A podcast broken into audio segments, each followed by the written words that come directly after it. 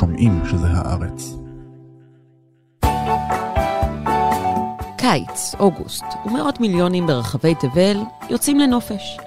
אחד מענפי הנופש הכי מתפתחים בעולם הוא שט התענוגות.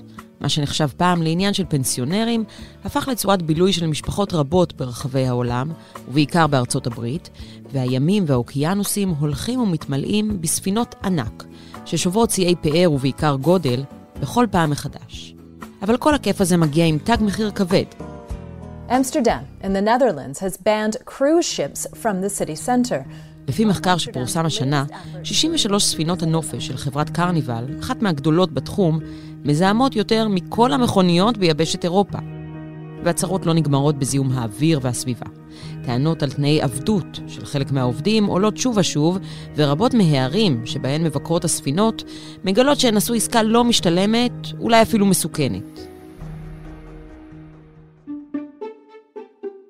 היי, אני חן ליברמן ואתם מאזינים ומאזינות לחוץ לארץ. בפרק הזה נגלה מי האיש שהמציא את הרעיון הזה של לשוט לשום מקום, איך הפכה צורת הבילוי הזו לכל כך פופולרית בעולם, ולמה כדאי לחשוב פעמיים לפני שאנחנו יוצאים להפלגת תענוגות. שלום למשה גלעד, כתב הארץ לנושא נסיעות ותיירות. שלום וברכה. ואנחנו כאן לכבוד עונת התיירות, הזמן הזה בשנה שבו מיליארדים אה, יוצאים לחופשות הקיץ שלהם, ונרצה להתמקד בענף אה, שייט התענוגות, אה, הקרוזים, mm-hmm. התיבות נוח המודרניות האלה שמשפחות עולות אליהם, ויש שם פארקים ובריכות, ובופה הכל כלול, ומה לא, ומופעים, וקזינו. באנו להרוס קצת את המסיבה, כי כאלה אנחנו, ולדבר על כל מה שלא טוב בקרוזים האלה. אבל לפני שנלך לשם, תספר לנו קצת, תן לנו איזושהי תמונת מצב של השוק הזה של קרוזים בתוך הענף הגדול יותר, ענף התיירות. לאורך הרבה מאוד שנים, הענף של הקרוזים נחשב לענף עם הנסיקה הכי תלולה. עם העלייה הכי אה, גדולה, אה, ענף שהתפתח במהירות עצומה, בעיקר בשוק האמריקאי, אה, תכף נסביר למה, וזכה באמת לפריחה אדירה עד הקורונה. בקורונה הייתה צלילה איומה פשוט, באמת אסון. זה, הם חוו שלוש שנים מאוד מאוד קשות, והם עכשיו אה, בהתאוששות גדולה. אה, בגלל שזה תחום שלוקח בו המון המון זמן להניע תהליכים, זאת אומרת, לבנות אונייה לוקח שנים. אז... אה, אה, כן, היום לוקח... לבנות... זה לוקח שנים, איזה... לבנות אוניות בסדר גודל הזה לוקח שנים, אז, אז זה לא תהליכים שקורים מהר. זה כמו שלסובב ספינה מאוד גדולה, לוקח זמן, היא לא מסתובבת על המקום. This cruise ship holds 3,200 passengers, has a three-story go-kart track, a theater that turns into a Vegas-style nightclub, and a virtual reality mega arcade. יש היום בעולם כ-400 ספינות כאלה ענקיות, של כל אחת מהן היא אלפי uh, נוסעים. Uh, מפעילות אותן 38 חברות גדולות, שהכי גדולות ביניהן זה קרנבל. שהייתה בזמנו בבעלות של משפחת אריסון, אה, חלקה כבר לא, אה, שהיא מסיעה שישה מיליון נוסעים בשנה, רויאל קריביאן עם שלושה וחצי מיליון אה, נוסעים בשנה, נורוויג'ן ו-MSC עם 1.4 מיליון נוסעים בשנה, אלה החברות הכי בולטות. סך הכל ב... בצפון אמריקה נסעו בשנה האחרונה 14 מיליון נוסעים, שזה, המשמעות היא שזה כוח מאוד מאוד גדול בתעשיית התיירות. ובמיוחד בארצות הברית. במיוחד בארצות הברית. למה? בהחלט. אה, א', זה עניין של אה, תרבות נסיעות מסוימת, שזה מה שהם אוהבים. אה, אנחנו יכולים לדבר על זה קצת, כי זה נסיעות מאוד קלות מבחינות מסוימות. ולכן גם היה דימוי שהיום מנסים מאוד להיפטר ממנו, החברות האלה, שזה מיועד לאנשים מבוגרים.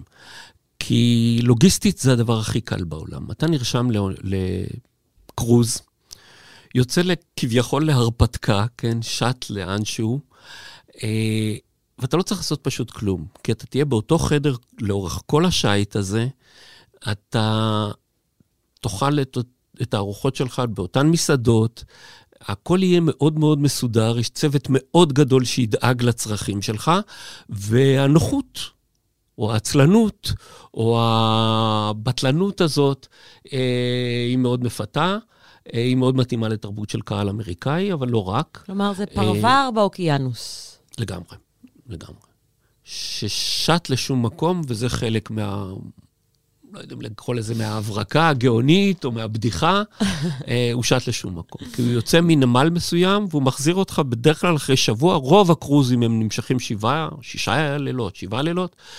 אה, הוא מחזיר אותך אחרי שבוע לנמל הבית, כלומר לנמל שממנו יצאת, עשית איזשהו סיבוב, היו לך ימים ביבשה והיו לך ימים בים.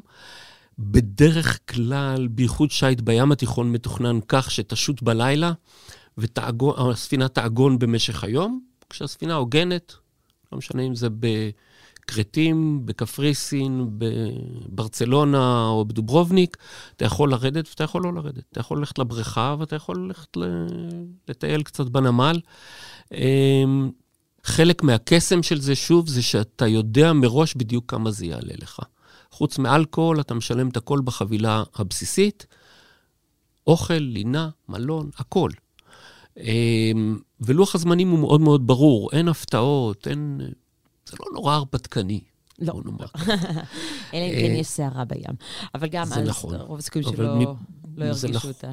זה נכון, רק פה נכנס העניין העונתי, הם בדרך כלל שתים במקומות שהם יודעים שלא יהיו סערות בתקופה הזאת, או שיהיו סערות קטנות יחסית, והספינות הן כל כך גדולות שהן סופגות את התנודות האלה בים, יחסית זה ללא טלטלות. זאת אומרת, זה לא... אנשים שיוצאים לקרוז, הם לא מצפים לקבל מחלת ים, והם בדרך כלל לא יקבלו. Carnival Cruise Line is coming clean about polluting oceans. אז עוד מעט נדבר באמת מה קורה שם בעצירות האלה, כשהספינה עוגנת בערים שונות. אבל לפני זה הבטחנו בכל זאת שנדבר על הצד האפל, הצד הפחות זוהר של הספינות האלה, ואחד המחירים הגדולים זה המחיר הסביבתי. הן מאוד מאוד מזהמות. כן, יש מחקר שנעשה בדוברובניק, שאותו אני אוהב במיוחד. אה, הוא נעשה עבור איזושהי תוכנית טלוויזיה אנגלית, ועורכי התחקיר הזה, הם הצמידו בחשאי מכשירים שמדדו זיהום אוויר לכמה מספינות הקרוז שעגנו בדוברובניק. התוצאות עוררו זעם נורא בעיר, כי התברר שספינת קרוז אחת מזמת את האוויר כמו מיליון מכוניות. אה, זה נובע מהמון דברים, זאת אומרת, זה גם המנועים שלה, אבל זה גם זה שמבשלים כל יום ל-5,000 אנשים, וזה גם... אה, וכמות האוכל, אני מניחה שנזרק, כי זה הכל עצומה. כלול, ו... אוכל וביוב, ביוב, כאילו, הספינה היא לא מחוברת לצינור ביוב, היא בדרך כלל מפנה את הביוב שלה בזמן שהיא מפליגה. כן? אה, כן, יש, יש אזורים שמותר להם לעשות את זה, יש אזורים שאסור להם לעשות אבל, את זה. אבל לאן זה נשפך? אני, וואו. לים. אה. הים הוא גדול. או, או לא, אבל כן. אה, מה שנאמר אחרי התחקיר הזה בדוברובניק זה עשו חשבון שקרואטיה מרוויחה 53 מיליון יורו בשנה מספינות קרוז, ונזק הזיהום שהם העריכו שווה ל-338 מיליון יורו, שזה אומר שהם עושים עסקה די גרועה. כי הם משלמים בזיהום הרבה הרבה יותר ביוקר מאשר זה. הם, הם עשו חשבון שבמשך יומיים גורמות שתי ספינות קרוז נזק סביבתי ששווה לפליטה של כל המכוניות במדינה. קרואטיה היא מדינה לא כל כך גדולה, יש בה אבל די הרבה מכוניות, בכל זאת במשך יומיים שתי ספינות קרוז גורמות נזק. זה נותן לנו מושג על גודל הבעיה, כי זיהום שגורמות הספינות האלה הוא בעיה ממשית, צריך רק להבין שהוא מאוד מאוד מגוון, למרבה השמחה או לא.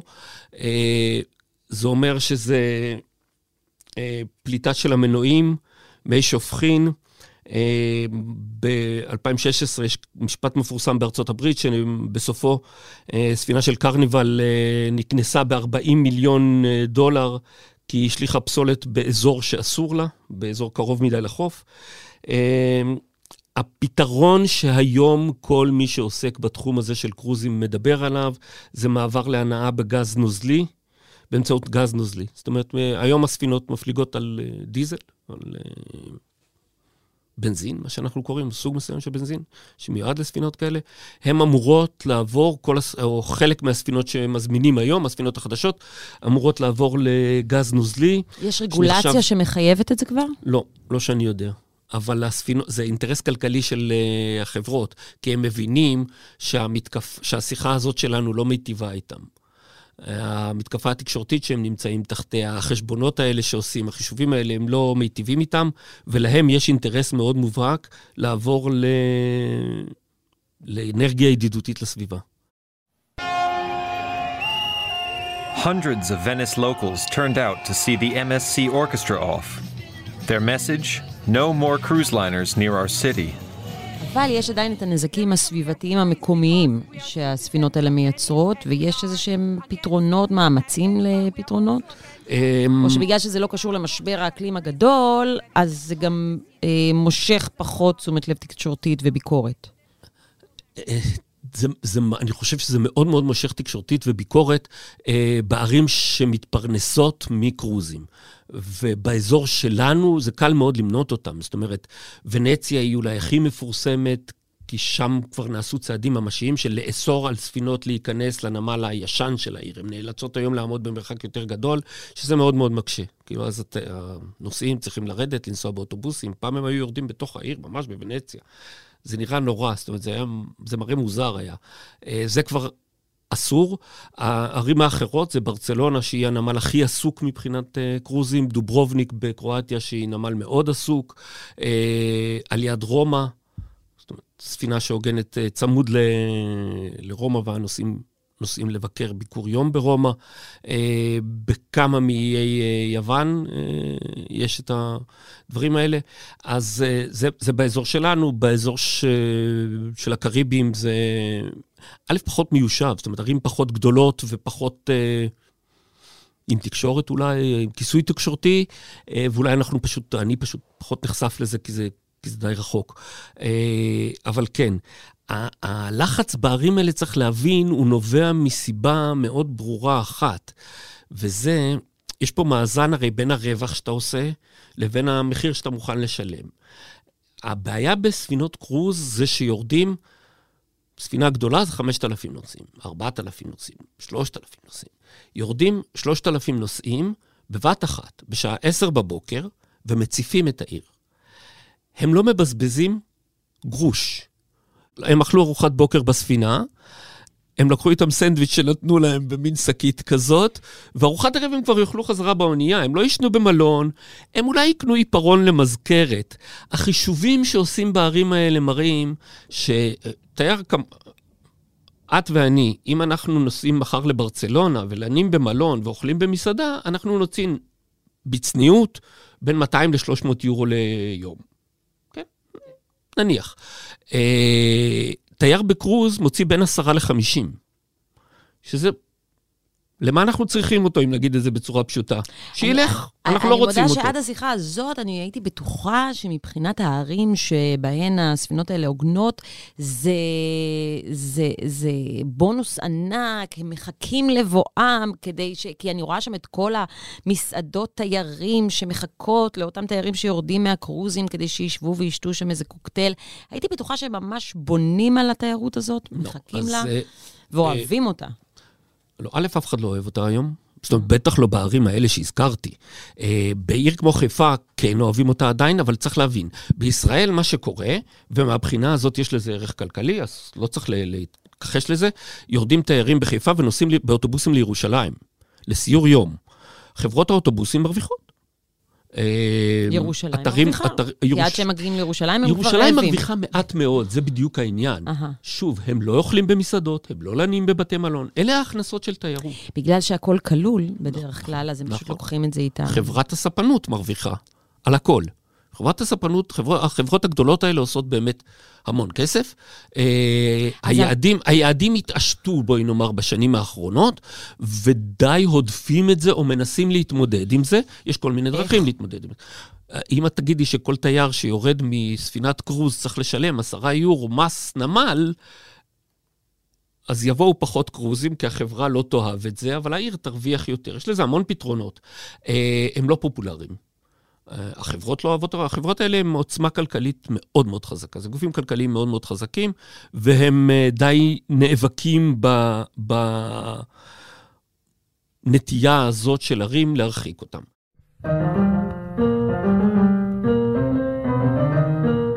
אז, אז תראה, דיברנו כבר על הנזק הסביבתי, דיברנו גם למה בערים, אה, ש... היעדים שאליהם אה, מגיעות הספינות האלה, הן לא אה, אהודות בכלל. אה, עכשיו, זו, זו, זו, זה הזמן ללכת קצת לה, להיסטוריה של הספינות האלה, okay. אוקיי. איך זה התפתח, איך הגענו גם למימדים המפלצתיים של הספינות היום. אה, זה נחמד כי אנחנו צריכים להזכיר פה אדם אחד שלדעתי הוא מקופח מאוד, כי אף אחד לא מכיר את השם שלו, והוא נקרא אלברט בלין. אלברט בלין ב-1890 היה בסך הכל בחור בן 33, והוא היה מנהל של חברת ספנות גדולה שנקראה הפאג. והוא מאוד לא אהב את המספרים שהוא ראה על הנייר, כי בחורף האוניות שלו עמדו ולא עשו שום דבר. בעונות אחרות, אה, זה היו אוניות ששטו או כספינות מסע, או כספינות נוסעים שהעבירו נוסעים. לא היו אז מטוס, זה עוד לפני המצאת המטוס, זה לפני כל חברות התעופה וכן הלאה. זה היה כלי התחבורה למי שרוצה לעבור מיבשת נכון, ליבשת. בעיקר בשייט טרנס-אטלנטי. כאילו, כן. לחצות את האוקיינוס מהיבשת הישנה ליבשת החדשה. כן. Uh, לבלין היה רעיון פנטסטי. הוא אמר, אני אסב ספינה אחת בתור uh, ניסיון בהתחלה. למלון. הספינה הזאת לא תהיה תחבורה, הוא הפך אותה מכלי תחבורה לבית מלון צף. אמ, רשם גם את אשתו, ונרשמו עוד 240 עשירים גדולים מרחבי גרמניה, והם יצאו ל-58 יום שיט בים התיכון. במשך כל החורף, דרום הים התיכון, זאת אומרת, שוב, אקלים שאנחנו מכירים היטב. אמ, הם עצרו גם ביפו, אבל הם היו בכל לא, הנמלים אה, הגדולים ב... לאורך הים התיכון במשך חודשיים. כמו שאמרנו בהתחלה, לא שטו לשום מקום. הם עצרו בנמל בדיוק על המודל שאנחנו מכירים היום בקרוז, רק הם עשו את זה במשך חודשיים ולא במשך שבוע, שזה... כי קצב החיים השתנה. כן. זו הייתה הצלחה אדירה. אה, בשנים שלאחר מכן הוא הסב עוד שלוש אוניות מהחברה בדיוק לצורך הזה, והוא בעצם, לא תמיד בהיסטוריה קל להצביע על בן אדם אחד, אבל אלברט בלין הוא דוגמה נהדרת, כי הוא המציא, ממש כך, את התחום הזה של שטע קרוזים, שאומר, אנחנו ניתן לכם את הכל, אתם תשלמו חבילה שלמה, הכי נוח בעולם, הכי לא הרפתקני או הכי לא מאתגר, אבל רילקס. והסתבר שזה, שוב, זה זכה להצלחה מאוד מאוד גדולה. צריך להבין שאחרי זה, במשך עשרות שנים, עדיין היו קווי תחבורה. אה, שוב, באופן קצת מצחיק, הספינה שאנחנו הכי מכירים כקו תחבורה היא הטיטניק שטבעה בהפלגת הבכורה שלה, אבל זה בדיוק מה שהיא הייתה אמורה לעשות. היא לא הייתה ספינת קרוז, היא הייתה ספינה שאמורה הייתה להעביר נוסעים מאנגליה לארה"ב. אבל עדיין היא התגאתה בהיותה ספינת פאר. בטיטניק היו מחלקות שונות, היו מחלקות מאוד מאוד פשוטות שההפלגה בהן הייתה אמורה, לא כל כך הצליח הפרויקט, אבל uh, הייתה אמורה להיות מאוד זולה, והיו מחלקות מאוד עשירות ששתו שם האנשים הכי עשירים באמריקה. אבל זה היה מאוד מדורג. אבל להיותה הספינה הגדולה בעולם לאותה תקופה, זה כן משהו שאמור היה למתג אותה כיותר מרק כלי תחבורה. Uh, כן, אבל תחשבי על זה במובן של uh, מטוס מאוד מאוד גדול שמטיס 400 נוסעים ולא 150 נוסעים. אז, uh, אז כן, אבל שוב, העניין שם היה מחלקות. Mm-hmm. והמחלקות באוניות לאורך שנים באופן מסורתי עלו מלמטה למעלה. זאת אומרת, ככל ששילמת פחות, גרת יותר נמוך, לפעמים מתחת לקו המים, ושילמת הרבה, גרת למעלה. מה שחברות הקרוזים עשו, בייחוד בשנים האחרונות, ביטלו את המחלקות. אין היום מחלקות. אתה יכול לקנות חדר פנימי או חדר חיצוני, או להזמין חדר פנימי או חדר חיצוני. ככל שהחדר יהיה עם מרפסת גדולה יותר וכן הלאה, הוא אה, יותר נחשב טוב. יותר טוב. עדיין, וזה צריך להגיד, למרות שאנחנו מאוד ביקורתיים כאן, אה, אני בדקתי, לרגל פגישתנו, כמה יעלה לי להזמין בנובמבר אה, חדר עם מרפסת, כי אני, אני הייתי פעם בטנק, אז יש לי קצת קלסטרופוביה, אז אני צריך חדר עם מרפסת אה, לזוג, לשבוע בים התיכון, ברויאל קריבן, אחת החברות מהארבע הגדולות ששתות והוגנות בחיפה. אה, וזה עולה 7,400 שקל, חדר עם מרפסת כנראה די קטנה, אה, לשבוע, שזה אומר שאשתי ואני נאכל שלוש ארוחות ביום, היא אוכלת כמו ציפור באמת. אה, זה נורא נורא זול. מאוד זול. זה, כן. ו, ועל זה זה חלק מבוסס. עכשיו, זה מבוסס, זה לא... אין פה איזה צדקנות גדולה, זאת אומרת, זה מבוסס על זה, א', שנשתה אלכוהול, ב', שנשחק בקזינו, ג', שנקנה בחנויות הדיוטי פרי שיש על האונייה, ונוציא עוד המון הוצאות מסביב.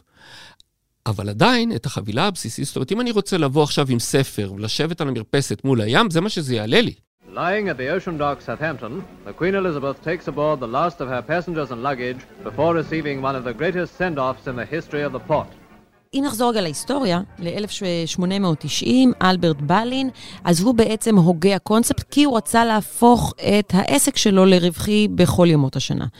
אה, אבל עדיין, אה, למשך שנים מאותה נקודה, עדיין ספינות היו בעיקר כלי תחבורה שמוביל אותנו מנקודה A ל-B. מתי התת-ענף של אה, שתענוגות משתלט על השוק הזה? כן. אז יש פה כמה ציוני דרך מאוד מאוד ברורים, כשאחד מהם הוא תחילת שנות ה-60, שאז תיירות בכלל, לא רק קרוזים, תיירות בכלל, אה, פותחת מבערים. ממש אה, נוסקת בעולם, המון המון אנשים הופכים לתיירים. זה נחשב גם היום, גם פה בחדר. אה, בילוי מועדף. זאת אומרת, אני נורא אוהב את זה, כי יש הרבה פעמים סקרים ששואלים אנשים, אם תזכה בלוטו, מה תעשה? אני אסע סביב העולם. זה, זה, שוב, הנסיעה, הבילוי הזה, אה, הפך מאוד פופולרי החל משנות ה-60. יש לזה מקבילות תרב... היסטוריות. זה תרבות הפנאי העיקרית שלנו. לגמרי, בדיוק ככה. אה, זה, זה בא במקביל עם התפתחות של התעופה, אבל אה, היה לזה גם משמעות מבחינת uh, ספנות. המשמעות של זה מבחינת ספנות הייתה בעיקר שכל הקווי הפלגה ששימשו כתחבורה, לאט לאט צנחו ונעלמו. יש היום מעט מאוד, יש, אבל ממש מעט, אחוזים בודדים כי המטוסים החליפו אותם? כן, לגמרי. אז בעצם האוניות היו חייבות למצוא לעצמן אה, מטרה חדשה. זה לא, ש... פונקציה זה לא אותן. אוניות, בנו אותן אחרת. בנו אותן לא כקווי תחבורה, אלא בנו אותן כמלונות צפים. תמיד קוראים לזה עיר צפה. ב... בואי ניקח רגע נתונים, כי הנתונים הם באמת קצת פסיכיים. זאת אומרת, האונייה הכי גדולה בעולם היום בקרוזים נקראת Wonder of the Seas, אה, 237 אלף טון, 360 מטר אורך, שזה ארבעה מגרשי כדורגל, משהו כזה, אורך, 64 מטר רוחב, 18 קומות, 24 מעליות, כמעט 3,000 חדרים, 2,867 חדרים. זה לא מלון צף, זה עשרה מלונות צפים. אה, כמעט 7,000 אורחים יכולים לשוט עליה, ובערך 2,500 אנשי צוות. אה, זו תעשייה מאוד גדולה שמגלגלת מיליארדים. הפריחה הכי גדולה שלה באה בשנות ה-90.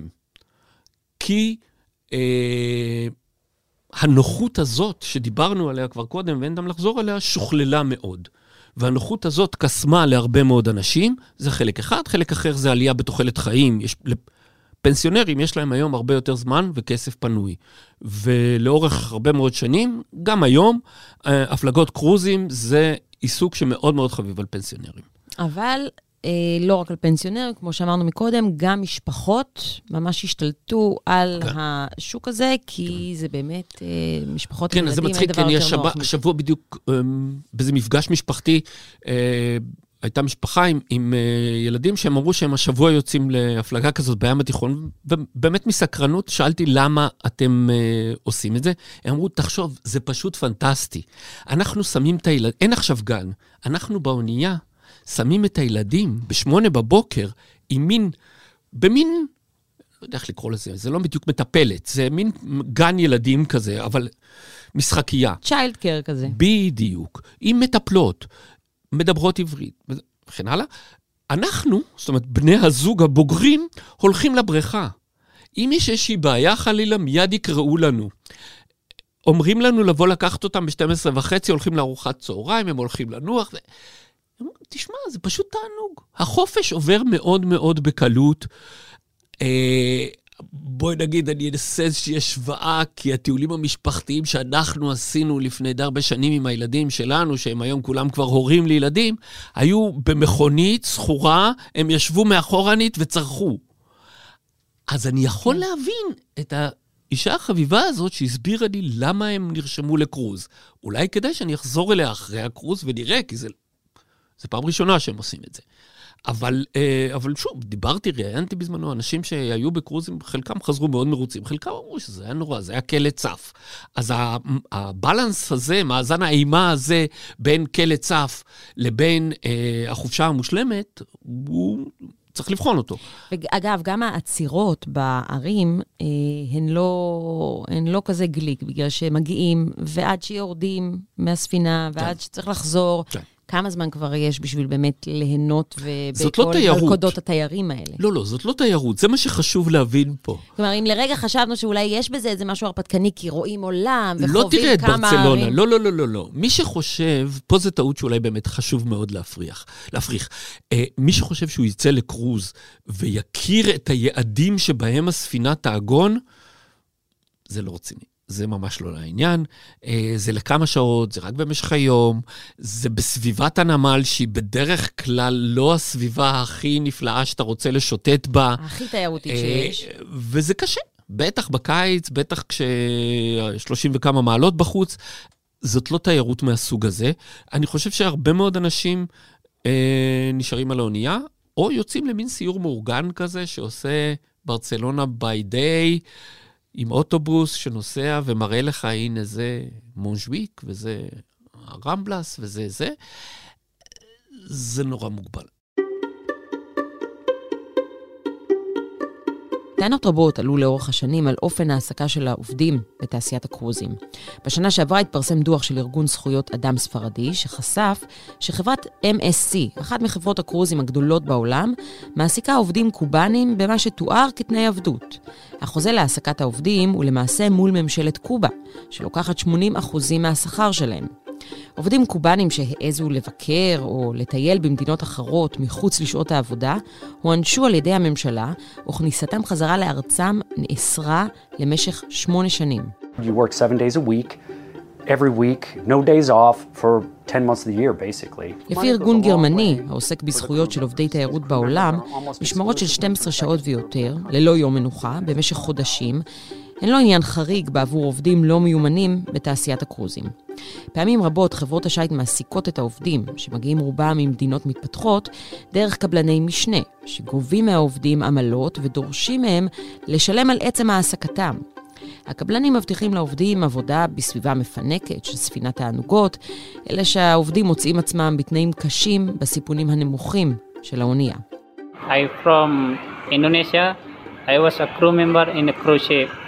I have been injury before, I don't know what can I do. בגלל העבודה הפיזית והשעות הארוכות, רבים מהעובדים נפצעים במהלך העבודה. על פי עדויות עובדים, חברות השיט מעדיפות לשלוח אותם לרופאים בנמלים מחוץ לארצות הברית, שם עלויות הטיפול נמוכות בהרבה, אבל לעיתים איכות הטיפול ירודה והסיכוי להתפתחות סיבוכים גדל. דיברת מקודם על הגדלים אה, של ה... דיברת על הגודל ספציפית של האונייה הגדולה בעולם, אבל ככל שאונייה יותר גדולה, כך היא גם תהיה יותר מסחרית, והזכרת שזה 7,000 נוסעים יכולים לעלות על אונייה כזאת מול 2,500 אנשי צוות. רק היחס הזה כבר מעיד על כך שהתנאים של אותם אנשי צוות הם לא קלים, ובאמת הפער הגדול בין מה שאנחנו קוראים לו שט תענוגות והתנאים המדהימים, והבופה הכל כלול, והבריכות, והפארקים, וכל השפע הזה, מול התנאים שאני לא אקרא להם תנאי עבדות, אבל מזכירים קצת. כן, אה, זו בעיה מאוד אה, גדולה. שהיא צפה ועולה מדי פעם, והיא בעיה קשה מאוד. אה, צריך להסביר. קודם כל, יש איזושהי שכבת עילית בתוך האונייה, שהיא, בואי נוציא אותה בכלל מהשיחה, זאת אומרת, הקברניט וקציני הסיפון וקציני המכונה, והאנשים המקצועיים יותר, הם לא כלולים בשיחה הזאת, הם מקבלים משכורות מצוינות, בתנאים מאוד טובים והכול נהדר. הבעיה באמת היא שיש פה צוות מאוד מאוד גדול, לא מקצועי לחלוטין, שבחלק מהמקומות לא מקבל בכלל משכורת וחי על טיפים. בחלק, זה חלק מהסידור. אנשים מאוד נמשכים לעבודה הזאת, דרך אגב, אין להם, אין אבטלה, זאת אומרת, לא, לא, אין להם בעיה להשיג אה, עובדים. העובדים מקבלים על פניו זה נשמע נהדר, נכון? הם מקבלים לינה ואוכל חינם כביכול. מגורים, הם לא צריכים כן. לשכור עכשיו דירה. אבל, או שהם מקבלים משכורת מאוד מאוד נמוכה, או שהם, זה חלק מהחוזה שלהם, חיים על טיפים. עכשיו, אה, לתקופות מסוימות יש אנשים שחושבים שזה מצוין להם, כי שוב, זו עבודה לא מקצועית, זו עבודה של חדרניות ומלצרים, בעיקר מה שאנחנו מדברים עכשיו. המון המון חדרניות, כי כל הזמן מסדרים את זה. יש ספר שעוד לא הזכרנו ושחייבים פה להזכיר אותו, הספר של דויד פוסטר וואלאס, משהו כיפי לכאורה שלא אחזור עליו לעולם, שהוא מתאר שיט של שבוע בקריבים. הוא מתאר מה עבר עליו שבוע בקריבים, ויש שם קטע הורס מצחוק, שהוא מנסה להבין איך החדרנית יודעת שהוא יצא מהחדר והיא נכנסת לסדר. הוא הופך תוך רגע פרנואיד גמור, אבל זה מה שקורה. זאת אומרת, היא או יושבת בקצה המסדרון או באיזושהי צורה, היא יודעת, זה ההוראה, היא יודעת כשהוא יוצא מהחדר, ואז היא נכנסת ומותחת את הסדינים, מחליפה מגבות, אני לא יודע מה עושה. אז החדרניות האלה, העובדים האלה, אה, אלפי אנשים על כל אונייה. שוב, אנחנו מדברים, אמרנו, 400 אוניות, 2,000 נגיד, זאת השכבה שאנחנו מדברים עליה באונייה. מדובר, ב... מדובר בכלל בכוח עבודה של חצי מיליון עובדים. בכל תעשיית הקרוזים. זה המון המון אנשים. אה, אנשים שלא מאורגנים, אנשים שהם לא, הם, הם קבוצה מאוד גדולה, אבל היא לא מאורגנת בשום צורה, וקל מאוד לתמרן אותה. אה, נעשים מאמצים מאוד גדולים אה, כדי שהם אה, יקבלו משכורות ולא יהיו תלויים בטיפים. גם טיפים, דרך אגב, בחלק מהאוניות זה משהו מוסדר. זאת אומרת, אומרים לך מראש כמה טיפ אתה תצטרך לשלם, ושוב, זה, זה עובר דרך החברה, החברה עושה פה תרגיל, כי זה לא כלול בחבילה. אמרתי קודם, 7,300 שקל הזה שהזכרתי, הטיפים לא, לא כלולים הרי במחיר הזה. לא כולל שירות. בדיוק. כן. אז, אז אתה צריך להוסיף את זה, ו... אבל העובדים האלה תלויים בזה. זאת אומרת, אם אתה החלטת, אני לא רוצה עכשיו לשלם שירות, אז הם לא יקבלו כסף. זה נורא ואיום כמובן. אה, זאת בעיה מאוד גדולה. אני כן צריך להוסיף פה דברים... שעות עבודה, זה בטח... אין פה שעות עבודה. זה אין שעות עבודה, זה 24 שעות ביממה, כי יש, אה, שוב, ימי נמל וימי שיט. והם הם, הם עובדים בצורה אחרת, כי בימי נמל רוב הנוסעים יורדים, ואז הם עושים ניקיונות הרבה יותר גדולים, מאשר בימי שיט, כשהנוסעים, כשהאונייה היא בים, הנוסעים נשארים יותר בחדרים, ואז זה פחות אה, פנוי לעבודה. אה, חשוב להבהיר שיצא לי כמה פעמים לדבר עם עובדים כאלה, יש ביניהם המון זוגות. זה משהו ש... אה, אני לא רוצה בכוונה להיכנס ללאומים, אבל זה, זה בקבוצות לאומ... יש לאומים מסוימים, שזה מאוד מקובל, שזוג צעיר יעשה את זה במשך שנה או שנתיים כדי לחסוך כסף. אפשר הם, להיכנס הם גרים קצת? ביחד... תיתן לי דוגמאות של לאומים מסוימים. הודים. אה, הם עובדים, ב... הם... זה זוג צעיר שהוא... עם זה שזה תנאי רעב, ולנו זה נראה פשוט קיפוח נוראי והכי לא סוציאלי ולא סוציאליסטי שיכול להיות, בעבור עובדים ממקומות מסוימים. עכשיו, זה לא רק זה, זה גם אם האונייה שטה לקריבים, העובדים יהיו הרבה פעמים מהקריבים. אה, ואו שהם נהיו זוג על האונייה, ואז הם חולקים חדר. ירח טוב. ש... סליחה. לא, לא, לא, זה נורא. זה מפתה לראות את זה ככה, לא, לא, זה נורא, נורא. המציאות היא פחות אינטימית, אה, כן. אבל כן. אני יכול להבין למה הם עושים את זה. הצוותים האלה הם עם תחלופה מאוד גבוהה באופן אה, טבעי, אה, הם עובדים מאוד קשה, והם לא מקבלים כנראה שכר הולם בתרגום לשעות או לזה, אבל אני גם מצד שני יכול להבין למה הם מתפתים ללכת לעשות את זה. A flag of convenience is taking a ship and registering it in a country which is different than the beneficial ownership of the ship itself. The reason for the foreign registry is that they are governed then by the laws of the country where they're registered. אז אם ניקח את תנאי ההעסקה, קשה מאוד לאותם עובדים בכלל להילחם על זכויות, כי הם נמצאים מחוץ למים הטריטוריאליים של המדינה שהם באים ממנה, או של כל מדינה אחרת, והבעיה הזאת נוגעת באמת גם לבעיות האחרות שהזכרנו, שזה גם הזיהום הסביבתי. כלומר, אין בכלל מי שיגבה את החשבון. כן, לגבי עובדים זה ודאי נכון. כי הם באים ממדינה אחת, הם עובדים באונייה שרשומה במדינה אחרת ומפליגה במדינה שלישית. זה מה שקורה בדרך כלל. אה, לגבי החוקים הסביבתיים, היום נעשה, זה הרבה יותר מסודר, ויש כן מאמץ. בטח אם זה ב, בתחום מים טריטוריאליים של מדינה מסוימת, שנגרם זיהום, אז החברה שממנה נגרם הזיהום, וקל אה, למצוא את זה היום ולגלות את זה, היא זאת שתשלם, היא תשלם קנסות של, אמרתי, עשרות מיליונים. זה לא, זה ללא רחמים. אה, זה כן זה לא פותר את הבעיה. זה אולי אה, הופך את החברות למתוחכמות יותר, או לערמומיות יותר באיך הם יתמודדו עם זה, איפה ייפטרו מהפסולת, באיזה צורה, באיזה מקומות, אבל, אה, אבל זה לא פותר. כלומר, אז איך הן נוקפות את זה באמת, החברות האלה? הן יודעות איפה זה פחות מסוכן, הן יודעות איפה יש פחות עיכוב, הן יודעות איפה האזורים שלא שייכים לאף אחד. שוב, גם הים התיכון, שהוא כביכול אמבטיה קטנה, יש בו אזורים שבהם אה, הפיקוח הוא הרבה פחות אה, משמעותי מאזורים אחרים. לחופי לוב הפיקוח הוא הרבה יותר קטן מאשר לחופי איטליה. הבנתי. והמרחק הוא קטן. אז רצינו לדבר פה על הצד האפל של הקרוזים, אבל אני מודה שאני כבר לא זוכרת מה הצד הזוהר. אין לי פה שום צד uh, יפה. בואי תדמייני. כי גם החוויה עצמה, אני מודה, נשמעת לי אפס, uh, כמו שאמרת. קוקטייל, קוקטייל ארוך עם מטריה קטנה, כתומה. הם שמים מעט מאוד אלכוהול בקוקטיילים האלה, אני אומרת את זה, אני אומרת מניסיון. הדקירי זה ללא, לא באמת אה, עושים את העבודה. אני חושבת שאת צודקת, אבל אה, אני ממליץ להביא את הרום שלך מהבית. משה גלעד, אה, תודה רבה לך. תודה רבה, היה תענוג.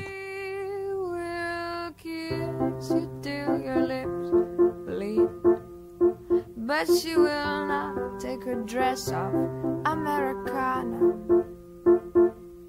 Tropicana עד כאן הפרק הזה של חוץ לארץ. אתם יכולים למצוא אותנו באתר ובאפליקציה של הארץ, ובכל מקום שבו אתם מאזינים לפודקאסטים. אם זה באפל או בספוטיפיי, אתם גם מוזמנים לדרג אותנו, כי זה עוזר לנו להגיע לעוד אנשים. תודה רבה לאסף פרידמן, אמיר פקטור, אברי רוזנצבי ורועי סמיוני. אני חן ליברמן, ואנחנו נשתמע בשבוע הבא.